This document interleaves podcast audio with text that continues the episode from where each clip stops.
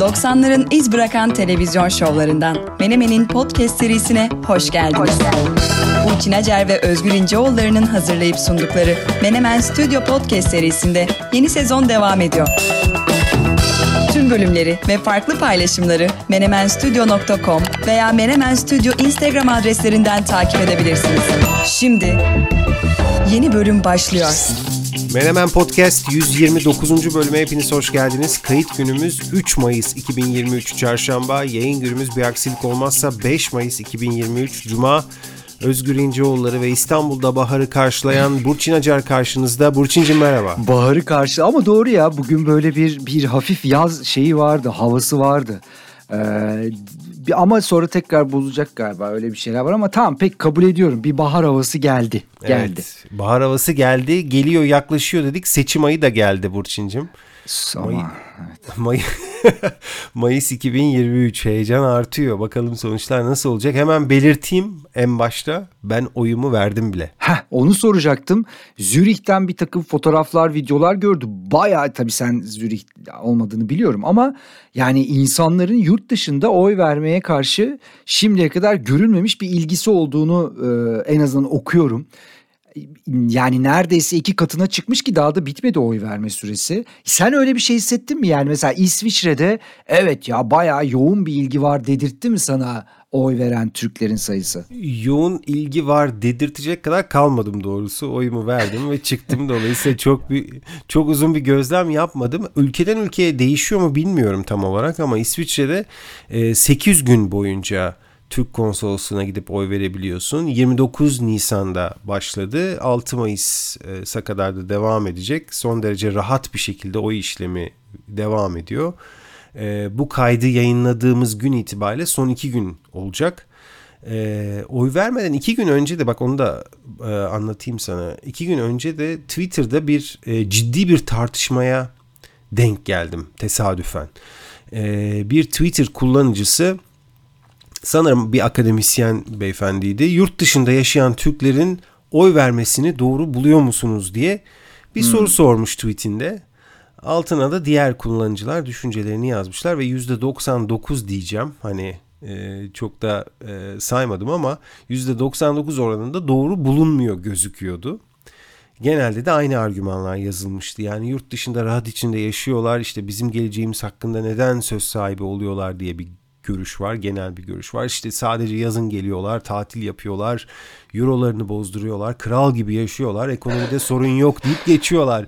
Ben de ee, uzak değilim bu fikre söyleyeyim gibi, yani. Gibi görüşler vardı. Haklı olan kısımlar var mı bu görüşler içerisinde? Tabii ki var.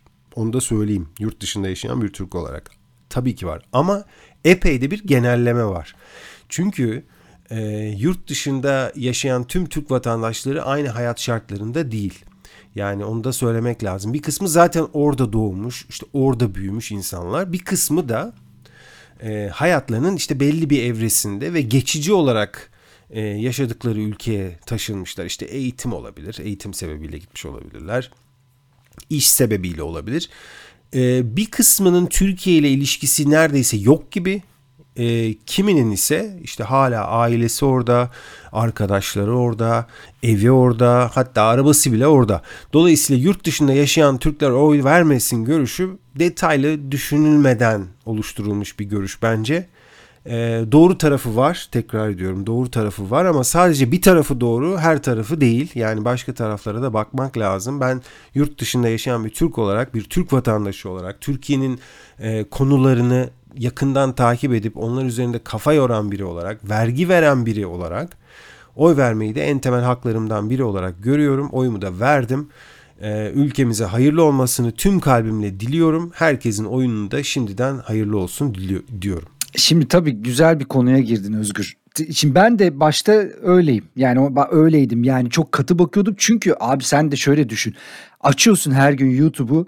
Yurt dışından gelmiş. Bir de böyle şey üstten bakarak ne güzel ya Türkiye. Yok böyle bir ülke. Almanya bitmiş, İngiltere bitmiş, İsviçre'ye sürünüyor falan. Böyle deyip böyle bir de dalga geçer gibi. Ne var işte ya gayet güzel. Bak işte bu euro bununla şunu alıyoruz, bunu alıyoruz falan. Yani insanlar son 1-2 yıldır sadece röportajlar değil ama bu genel bir şey e, ne diyeyim iletişim kanalında karşımıza çıkan bir tavır. Bundan o kadar bıktık ki yani o zaman evet bir genelleme yapmak durumunda kalıyorsun. Ya o zaman kardeşim kullanmasınlar yurt dışındakiler. Yani niye biz bu bunu çekiyoruz? Bu sıkıntıyı çekiyoruz. Bu ekonomik buhran çekiyoruz. Bu özgürlüklerin işte kısıtlanması vesaire vesaire vesaire. Adam oradan gelmiş eurosunu kazanmış. Burada misler gibi işte yatırımını yapıyor. Şeyini alıyor. İşte reis meis. Yani o kısım gerçekten rahatsız edici. Tabii ki olaylara böyle bakılmaz. Tek taraflı bakılmaz. Dediğin gibi birkaç açıdan bakmak lazım. Zaten ben de mesela hani bu genel e, agresif şeyim geçtikten sonra şöyle düşünüyordum. Yani tamamen yasaklamak zaten çok anlamlı değil ama belki katsayı gibi belli bir oranı olabilir. Ya da her şeyi her Türk vatandaşın dediğin gibi bazı yani belli şeyler var işte sınıflar var. E, aynı kefeye konulmayabilir. Bir takım ayrımlar yapılabilir. İşte e, bunun mutlaka teknik bazı yönleri vardır. E, o kadar katı bakmamakla beraber eskisi kadar ama yani mesela seçimin kaderini etkileyecek kadar bir o kat, sayıya sahip olunması da beni hakikaten şey yapıyor. Yani bana mantıksız geliyor. Tamam sen şimdi senin durumun ayrı. Sen kardeşimsin. yani onu anlıyorum. Sen işte vergi verme işte ayrıntısına mesela değindin ama böyle olmayan çok geniş bir kitle var. Doğru. Yani doğru. dolayısıyla tamam oy versin ama onun şimdi onun oyuyla benim oyum bir mi? diye getireceğim. aforoz edileceğim. Gerçi aforoz edilmeyiz. Bak Aysu Kayacı diye diye insanlar nasıl başka yere koyuyorlar şimdi. Yani aynı olmayabilir. Gerçekten bir katsayı olabilir. Yani belli bir süre yurt dışında işte ya doğmuşsa yaşamışsa ama bir şey getirilmesi lazım. Bir ayrım olması lazım. Bu çünkü katlanılır bir durum değil Özgür. Yani gerçekten çok insanın sinirini bozucu şeyler. Sözler, davranışlar gördük biz.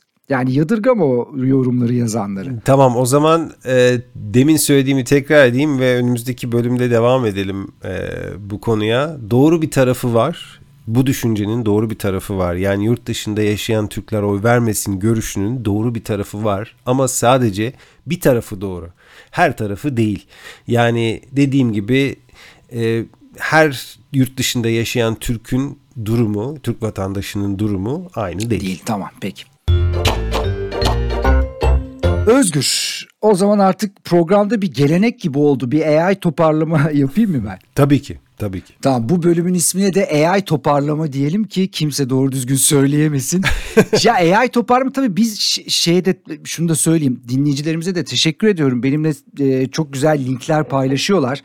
Genelde de işte hani Burçin sen çok ilgileniyorsun bak burada da böyle bir şey oldu böyle bir şey oldu diye ufkum iyice genişliyor. Ben tabii biraz hani işin e, müzik AI tarafında kalmaya çalışıyorum. Çünkü diğer tarafı uçsuz bucaksız ve tabii oralarda çok yetkin olan çok daha bilgili olan e, paylaşımlar yapan, sosyal medyada paylaşım yapan insanlar var. Hiç haddim değil o taraflara girmek ama müzikle olan ilişkisini önemsiyorum. Tabii bunu yaparken de genel olarak bir ne olmuş ne bitmişe de bir şey yapıyorum. E, algılarım açık.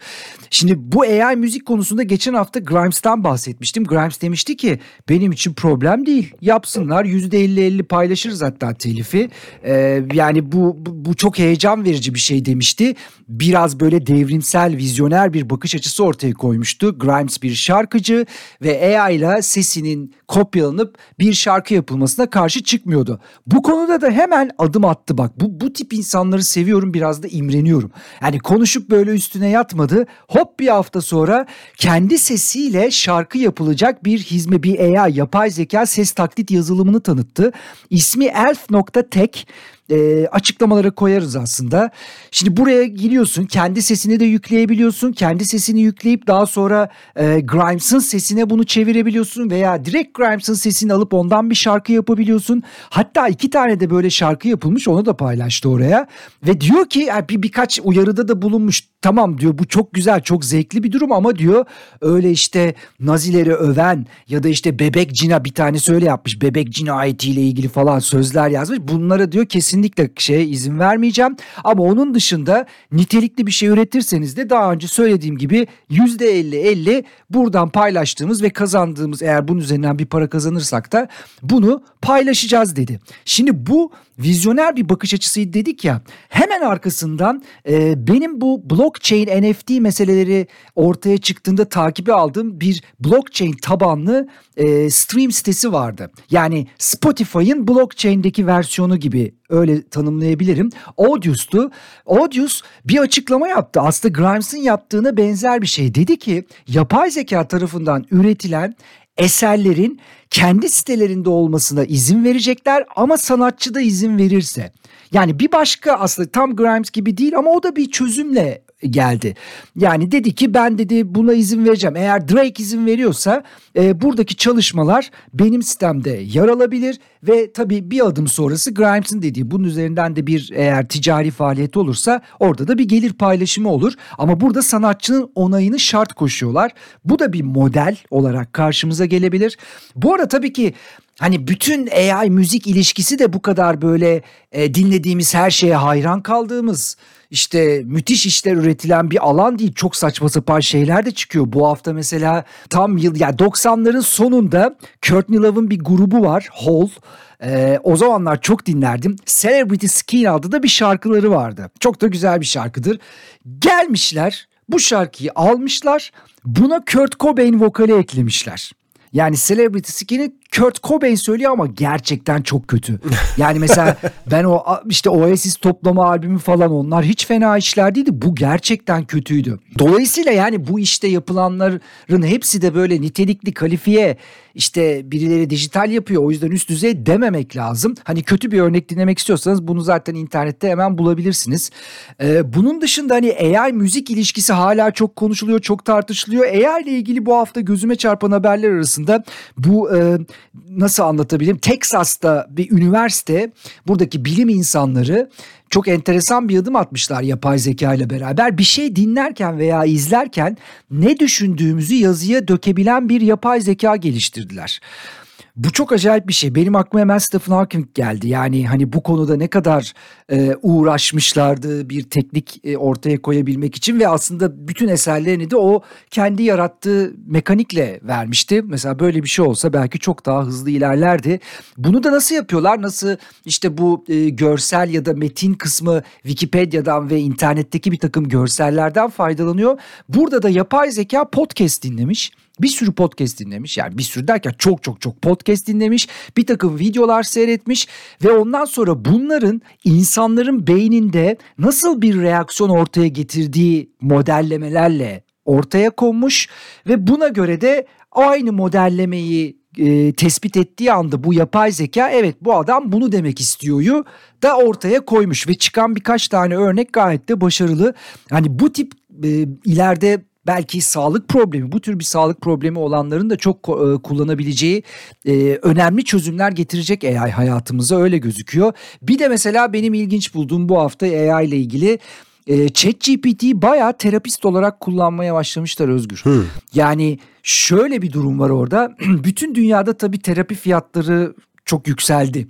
Yani bir psikoloğa gitmek, bir psikiyatriste gitmek ve bunu düzenli bir şekilde uzun süre sürdürmek özellikle belli bir yaş grubu için çok da e, mümkünlü değil. Dolayısıyla bunlar ChatGPT'de böyle bir çözüm arıyorlar.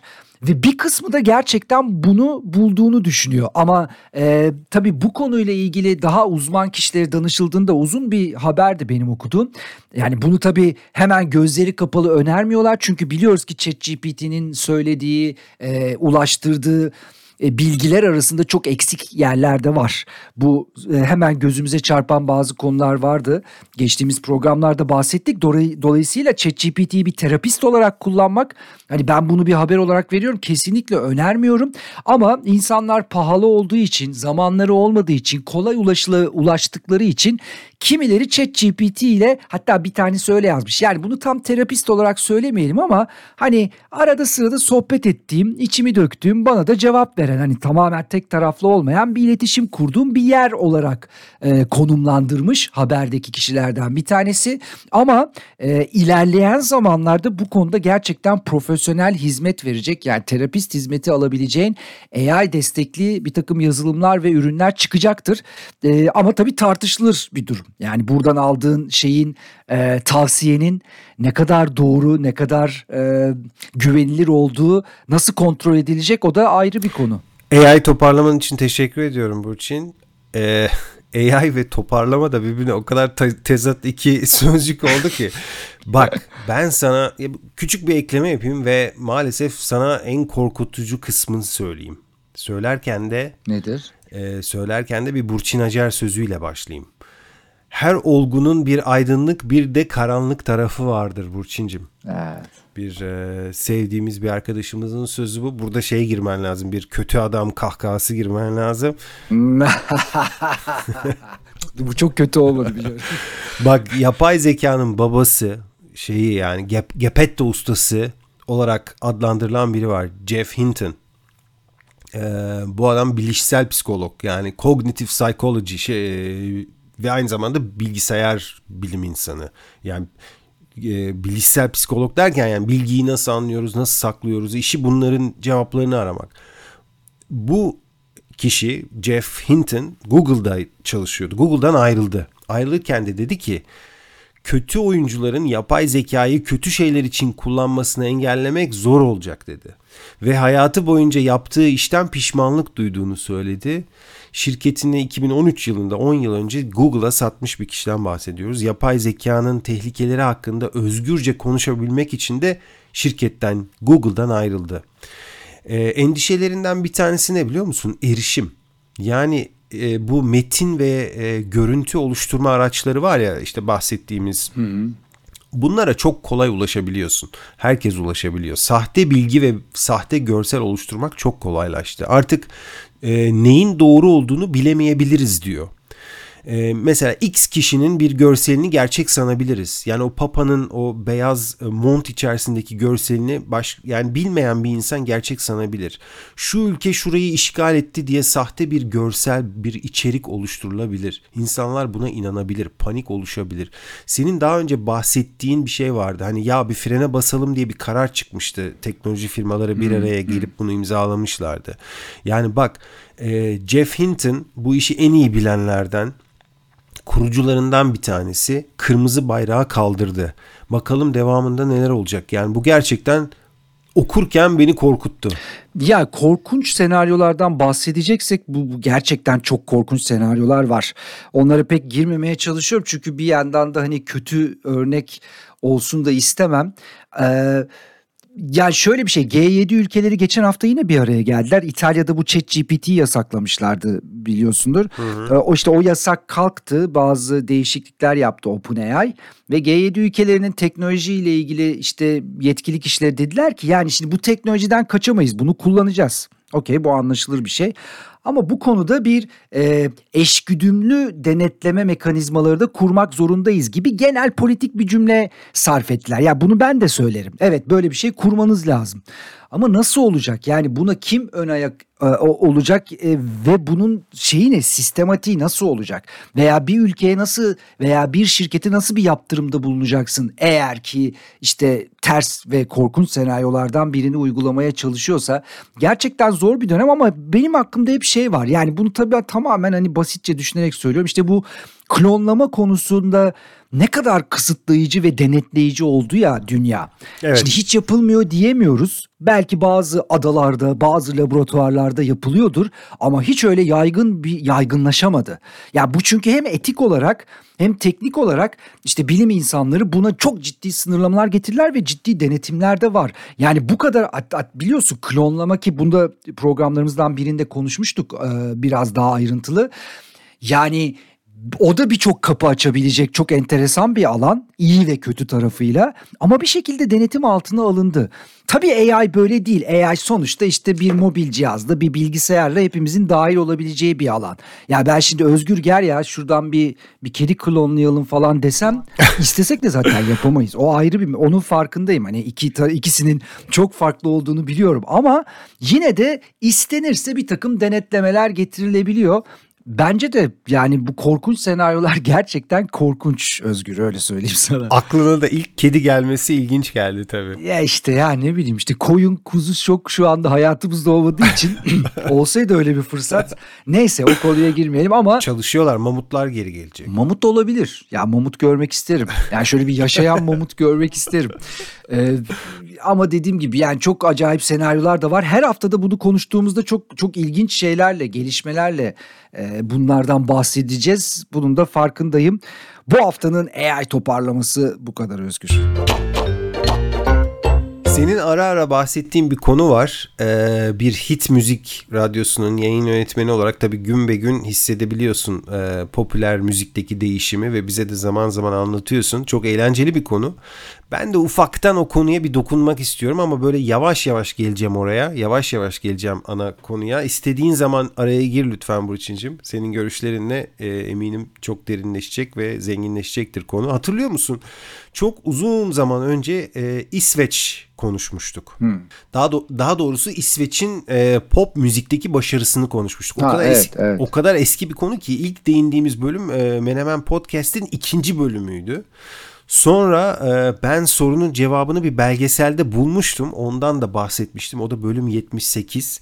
This is Pop diye bir seri var Netflix'te. Ve o serinin 3. bölümünün adı Stockholm Sendromu. Ve o bölümde anlatılıyor İsveç'in e, neden pop müzikte başarılı olduğu. Hatta Yante yasasından bahsetmiştik. Hmm podcast'imizin yakın takipçileri hatırlayacaklardır. Şimdi bütün bunların bütün bunları anlatarak nereye gelmek istiyorum? E, Mart, e, Max Martin'e gelmek istiyorum. Hmm. Yani İsveç'ten çıkan ve dünyanın en başarılı şarkı yazarlarından ve yapımcılarından biri olan Max Martin'e gelmek istiyorum. Az önce bahsettiğim belgeselde de adı geçiyor. Kendisini görebiliyoruz belgeselde. Max Martin 90'lardan bugünlere kadar liste başı olan parçalar yapan bir hit makinası. Yani gerçek bir hit makinesi. 25 parçası Billboard'da bir numara olmuş. Öyle bir adamdan bahsediyoruz ki e, yalnızca iki kişiyi geçememiş bu, bu konuda. Yani Billboard Hot 100 listesinde bir numaraya ulaşan parça sayısında üçüncü sırada iki kişiyi geçememiş. Geçemediği isimler de John Lennon ve Paul McCartney. ee, ama belli olmaz. Şimdi sonuçta John Lennon yaşamıyor. Paul McCartney de çok aktif değil. Onları da geride bırakabilir. Yani Britney Spears'ın Baby One More Time ile başlayalım. Ee, ta bugüne kadar gelelim The Weeknd'in Blinding Lights ve Save Your Tears'ına kadar gelen bir yolculuk. Yani bu kadar büyük bir tecrübe olunca e, yıllar boyunca müzikte yaşanan değişimi de çok iyi biliyor. Çok iyi şahit oluyor ve hatta bunun şekillenmesine de katkısı olan bir isimden bahsediyoruz. Şimdi Max Martin e, pop müzikte son yıllardaki en büyük değişikliklerden birinin şarkıların giriş kısımlarının kısalması olduğunu söylemişti. Ee, yani introlarının kısalması olduğunu söylemişti. Dünyaca meşhur, e, dünyaca takip edilen The Economist dergisi de bu bu sözünü alıyor e, Max Martin'in. Dergi diyorum ama yani dijitalde de çok güçlü bir mecra bunun doğru olup olmadığını ve şarkıların giriş kısımlarının yani introlarının kısalığının bir şarkının e, başarısı üzerinde nasıl bir etkisi olabileceğini görmek için bir analiz yapıyor. Gerçekten güzel bir analiz. 1958'den başlatıyorlar analizi. Bugüne kadar işte Billboard listesinde bir numara olan her parçayı incelemişler Burçin. Her parçayı. Yani gerçekten kolay bir iş değil. Tek tek bütün parçalara, bütün şarkılara bakmışlar. Yani büyük bir analiz bu. 1980'lerde e, listede bir numara olan şarkıların introsu ortalama 21 saniyeymiş. 2010'lara gelmişler. 2010'larda giriş kısımları ortalama 12 saniyeye düşmüş. Zaten parçaların tamamı da genel olarak yani 80'lerdeki parçalardan çok daha kısa. Yani bütünlüğüne baktığın zaman, bütün süresine baktığın zaman daha kısa. Zaten bunu sen hep söylüyorsun. Yani parçalar kısaldı diyorsun. 2010'larda parçaların toplam süresi ortalama 225 saniyeymiş. 40 yıl önceye gitmişler. Yani 80'lerde 249 saniye. Yani çok büyük bir fark yok gibi duruyor ama yani %10 kısalmış parçalar. 2020'lere bakalım. Ee, bu 10 yılın da üçte birini bitirdik sonuçta. Gerçekten hızlı geçiyor zaman. Ee, bu 10 yıla girdiğimizi konuştuğumuz e, günleri hatırlıyorum bu podcast'te. Ee, 2020'lerin üçte biri bitti. Şu ana kadar çıkan parçalarda ortalama süre sadece 207 saniye. 200 e, kaç dedim? 249 dedim. 225 dedim. Şimdi 207 saniye. İntrolar daha da kısalmış. %43 oranında kısalmış. Şimdi 1980'lerde introlar e, bir numaralı parçaların yani liste başı parçaların çalma sürelerinin yaklaşık %9'uymuş 2010'larda %5.4'ünü oluşturuyorlarmış. Mesela ekonomist hemen örneği patlatmış e, Miley Cyrus'ın son hit parçası var ya Flowers. Siz de çok çalıyorsunuz. Evet, evet. Mesela o parçanın vokalleri 8 saniye sonra giriyor. Sek, parça başlıyor 8 saniye sonra vokaller giriyor. Ee, burada da kolaya kaçanlar şöyle yorum yapıyorlar. Diyorlar ki ya işte Z kuşağında sabır yok. İşte her şey hızlı gelişsin istiyorlar. Ee, parçaları da kısa istiyorlar. E zaten TikTok'ta öyle. İşte o eski uzun introlara tahammülleri yok bu e, kuşağın diyorlar. Ama bu yorum ekonomistin analizine baktığımız zaman yanlış bir yorum. Yani yapılan analiz şunu gösteriyor. 60'larda ve 70'lerde Burçin meşhur olan parçalar da kısa. Daha kısa. Ee, ve introları da çok daha kısa. Ta 60'lara 70'lere gider, gidersek. Yani aslında tutarsızlık 80'lerde ve 90'larda. O, o zamanın parçaları uzun. Yani bugünün parçaları kısa değil. 80'ler ve 90'ların parçaları uzun. Çünkü 60'lar ve 70'lerin parçaları da kısa. Ee, bunun da sebebi ne biliyor musun? Ee, teknoloji. Daha doğrusu şöyle müziğin dinlendiği araç. Yani plak, kaset, CD, dosya, stream ne, ne neden dinliyorsak müziği bu etki yapmış. Yani e, şöyle şarkı yazarları ve müzisyenler demişler ki 80'lerde ve 90'larda ya bizim işte müziğimiz kasetlere kaydediliyor, CD'lere kaydediliyor. O zaman daha fazla müzik koyabiliriz bunların üstüne demişler. Ve o zaman hem şarkılar uzamış ve doğal olarak da şarkılar uzayınca da şarkıların giriş kısımları da uzamış. Ama stream çağındayız. Stream çağında durum değişti. Ee, dinleyici şimdi şöyle bir şey var. Sen daha iyi bilirsin. Lütfen düzelt yanlış bir şey söylersem. Dinleyici en az 30 saniye boyunca o parçada kalırsa e, bir şekilde müzisyene ve şarkı yazarına ödeme yapılıyor diye biliyorum. Evet, evet temel olarak böyle bir yaklaşım var. Ödemeler de hani sen de defalarca söyledin çok düşük. Yani dinleme başına ödemeler de çok düşük. O kadar düşük ki bir sentin de işte bilmem kaçta birini alıyorlar. Ee, bunu da hatta paylaşıyorlar işte şarkı yazarı, grubun üyeleri vesaire vesaire. Yani bir sentin bilmem kaçta birini alıyorlar bir de onu da paylaşıyorlar. Yani ciddi miktarda para kazanmak için bir şarkının milyonlarca kez çalınması gerekiyor. Ve bu nedenle şarkı yazarları şöyle bir düşünceye giriyorlar. Yani aman parçadan hemen sıkılmasın kimse başka parçaya geçmesin diye parçanın ana kısmına, heyecanlı kısmına bir an önce gelmelerine sebep oluyor. Yani introlar neden kısaldı? Sebebi e, para. Yani gelir. Ne kadar stream o kadar gelir. Ee, böyle bir analiz vardı ekonomiste. Ta Max Martin'den başladım. Çok eski yani çok uzun e, bağladım konuyu farkındayım ama e, bugünün parçaları kısa değil. 80'ler ve 90'lar uzun diye bitiriyorum. Yani tabii o açıdan aslında bakmamıştım. Hani 60'larda kısaydı sonra uzadı sonra tekrar kısaldı ama bugünün kısasını talep eden kitleye bakıyorum. Oradan bir çıkarımda bulunabiliriz. Yani şey çok da yanlış tamamen yanlış bir çıkarım değil. Hani bugün işte sosyal medyayı kullananlar bir dakikalık bir şey kaydetmeyi bile artık dizlemeyi bile uzun görenler işte 30 saniyeler bir dakika maksimum bir buçuk dakikalık paylaşımlar buna alışan bir kitleye gerçekten 5 dakika şarkı dinletmek o kadar kolay değil. Yani tamam e, bunun içinde teknoloji var şu var bu var ama senden talep eden ki hit müzikten bahsediyorsak hani popüler kültür yaş kesimleri vesaire belli bu talebi e, ortaya çıkaran kesim gerçekten kısa şeylere alıştı. Yani o yüzden her şey bu sadece müzik için değil ama yani işte YouTube'da izlediğim videolar için de geçerli işte podcastlerde nereden başladı şimdi daha kısa mini mini mikro podcastler falan daha popüler. Yani talep edenler de genelde kısa istiyorlar artık. Çünkü hayat akışı bir şekilde o ritme göre gidiyor. Adam Instagram açtığında da TikTok açtığında da bir süre mantığıyla orada yer alıyor. Şarkıda da aynısını arıyor. Zaten bak bu işin en e, kopuş noktası şeyde oldu. Lil Nas X'in Old Town Road şarkısı bir dakika 50 saniye ya da 50 52 53 saniye. Bu bu kadar. Senin hesabında kaç oluyor? 60 50 e, yo oraya 200'lere de gelmiyor bu. Evet evet. 100 110 yani çok daha kısa ama Amerika'da bir numara oldu. Hatta o şarkının versiyonu Amerika'nın tarihinde en uzun süre bir numarada kalan şarkı oldu. Yani tar- hem müzikal tarihte önemli hem de bence bu şarkı kısalma e, durumunda da bir kırılma noktasıydı. Evet insanlar açtı mı artık direkt nakaratla karşılaşmak istiyor. Bırak hani 8 saniyeyi 5 saniyeyi direkt nakaratla giriyor. Hani şarkının A, B, C'si diye bir şey var ya bir düzen bir trafik. Direkt nakaratla başlayan şarkılar var ve onların tutması daha kolay oluyor. Dolayısıyla dediğin şeyler çok önemli. Hatta ben o 60'lar falan oralara biraz daha o kulakla bakacağım. Ama talep edenlerin de daha kısa, daha çabuk girilen, daha çabuk biten şarkıları iste. Ya şeye bile bak oradan bile anlayabilirsin. Speed up diye bir şey çıktı.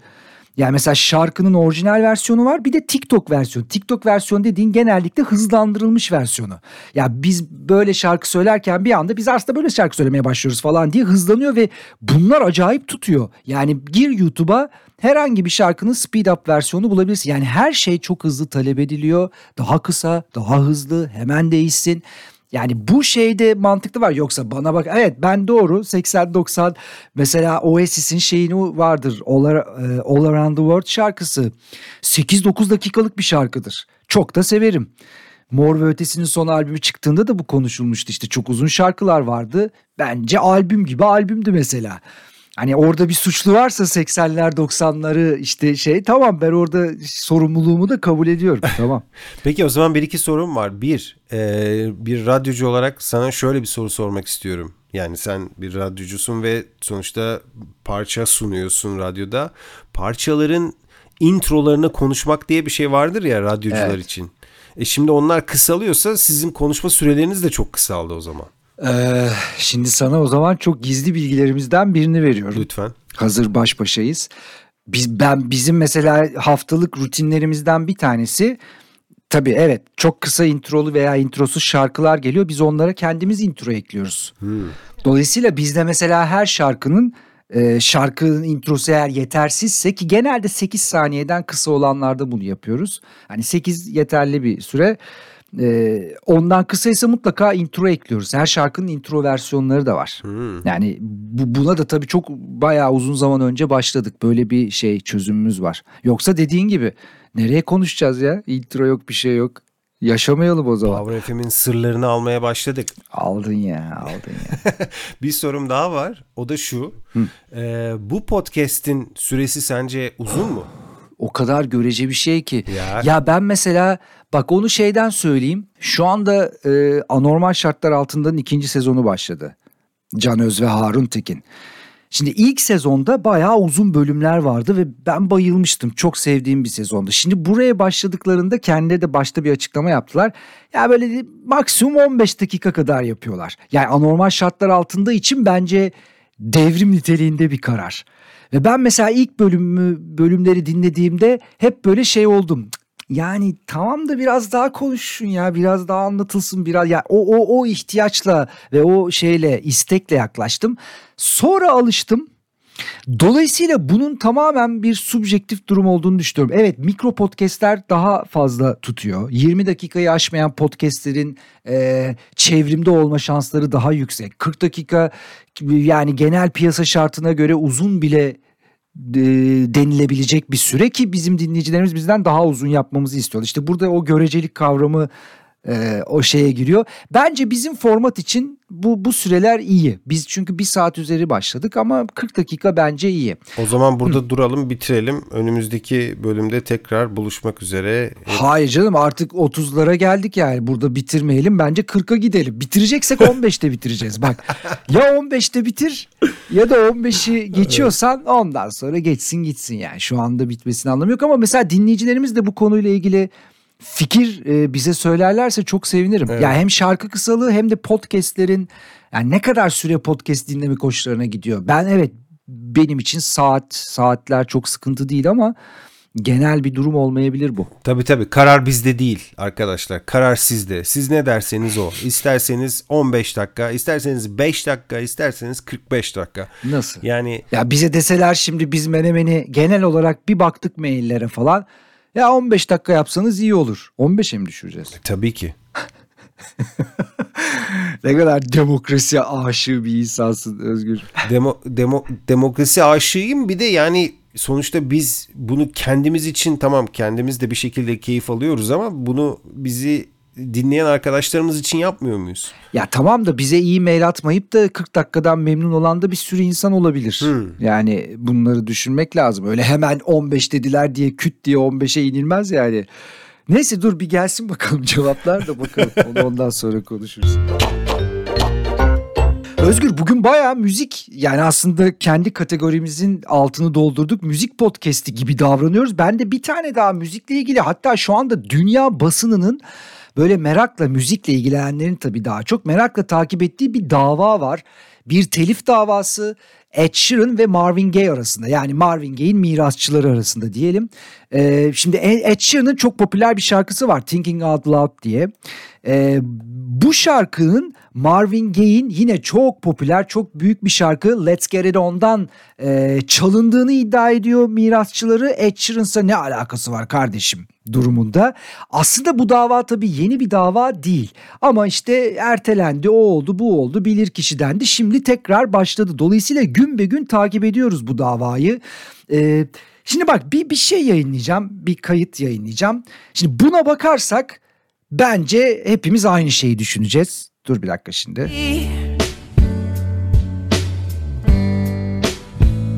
Baby, my trying to hold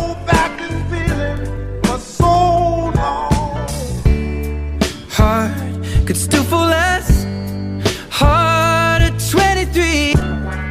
And if you feel like I feel, baby, And I'm thinking about how Ya şimdi ben hakim olsam karar verilmiştir derim ya uzatmam bile konuyu yani o kadar hani birbirinin benzeri hadi öyle diyeyim. Çekici vururum diyorsun. E, çekici vururum. Ama tabii iş pek öyle gelişmiyor. Yani burada bir takım işte teknik şeyler var. Belli bir ölçüye kadar zaten kullanabiliyorsun ama ondan sonrasında işte şarkının gidişatı tamamı bir sürü kriter devreye giriyor. Şimdi burada mahkeme de çok ilginç geçiyor. İlk önce bir bilir kişi geldi. Dedi ki ya kesinlikle bir kere çalıntı. Hatta dedi e, bir konser sırasında dedi bu iki şarkıyı bir arka arkaya çaldılar. Yani bak o kadar biliyorlar ki yaptıkları işi ne olduğunu. Bunu bu kadar seyirciyle bile paylaşmaktan bir adım geri durmadılar dedi. Ed Sheeran da çıktı dedi ki ya dedi ben böyle bir şey yapsam bunu 20 bin kişi önünde ifşa eder miyim yani kendimi ben bu kadar aptal olabilir miyim dedi. Ya bayağı bunlar konuşuluyor davada. Ee, sonra şey yaptı yani genel olarak Ed Sheeran ve avukatlarının tezi şu. Yani sonuçta karşımızda hani pop müzikte yaygın olarak kullanılan bir takım unsurlar, bir takım akorlar var. Zaten bunlar etrafında dönüyor dünya. Hani birçok şarkı bunlardan üretiliyor üç aşağı beş yukarı. Yani diyor ki şimdi al, al, alıyor aldı hatta gitarı eline bir takım şarkılardan bir takım şarkıları geçti. Diyor ki ben diyor çok kolay bir şekilde Let It Be'den No Woman No Cry'a geçebilirim. Yani hemen orada akordan geçerim. E şimdi bu ikisi birbirinden çalıntı mı oluyor? Gibi bir yani çalarak bu arada gitarı çalıyor şeyde. Çok da eğlenceli bir mahkeme olduğuna eminim. Ee, böyle gösteriyor anlatmaya çalışıyor. Yani diyor ki bu bunlar normal e, şeyler hani gördüğünüz benzerlikler. E, ama tabii ki bu dava daha bitmedi. Nasıl biteceğini bilmiyoruz ama Ed Sheeran biraz biraz bu konuda duygusal da davranıyor. Bugün programa girerken son bir açıklaması vardı. Dedi ki ya dedi ben dedi bu davayı kaybedersem müziği de bırakıyorum. Oo. Bu, bu kadar bu kadar net söyledi. Ben de artık daha da müzik yapmam dedi. Ben bunu kaybedersem. Bu arada Ed Sheeran sürekli bunlarla uğraşıyor. Shape of You'ya açılan bir dava vardı. Onu Ed Sheeran kazandı. Doğru. İşte fotoğraf şarkısı vardı. Ee, o ortada kaldı galiba tamamlanmadı. Yani ama Ed Sheeran da diyor ki yani akor belli şey belli kardeşim yani çalacağımız alet belli yani bu çıkıyor işte de. Ben şimdi çok bilerek çaldığına inanmıyorum. Hani bilerek ben gideyim Marvin Gaye çalayım olayı patlatayım dediğine inanmıyorum ama çok müzik dinleyen bir şekilde kafasında yer etmiştir o melodi esinlenme olmuş olabilir. Bence şey yapmalıydı baştan gelip parası neyse ödemeliydi diye düşünüyorum. Yani bu kadar davanın içine girmemeliydi. Haklı olduğunu düşünse bile. Şimdi bu para derken peki ne kadarlık bir paradan bahsediyoruz? Aşağı yukarı mesela biz şeyi biliyoruz. Marvin Gaye'in Got to Give It Up şarkısını Robin Thicke Blurred Lines'da aldı ve onlar daha sonra gerçekten aldıklarını neredeyse itiraf ettiler. Yaklaşık 5 milyon dolar ödediler Marvin Gaye'in mirasçılarına. Yani ödeyeceği de bu, bu veya bunun bir de ki 10 milyon dolar. Bence ödeyip bu işi bitirmesi lazımdı. Tabi tarihte bu tür telif davaları çoktur. Meraklılara mesela şeyi söylemek isterim. Led Zeppelin'in Stairway to Heaven ki çok büyük bir şarkı. O şarkının Sprit diye bir grubun Taurus şarkısından alındığı söylenir. Yıllardır devam eder. Bir mahkeme Led Zeppelin'i haklı bulur. Bir taraf Taurus'u haklı bulur. Bitme bitmeyen bir davadır ama şarkıları dinlediğin zaman yapma be Led Zeppelin ya bunu bunu gerçekten aldın mı diyeceğin bir esinlenme vardır. Bu tip çok ünlü şey telif davaları vardır. Hatta bir tane daha popüler söyleyeyim. Vanilla Ice'la Queen arasında işte Ice Ice Baby Queen ve David Bowie'nin şarkısından alınmıştır vesaire. O ki birebir alınmıştır Under Pressure'dan ve Vanilla Ice da yüzsüzce bunu ilk önce reddetmişti. Ondan sonra artık iş öyle bir ayyuka çıktı ki yani reddedecek bir durumu kalmamıştı.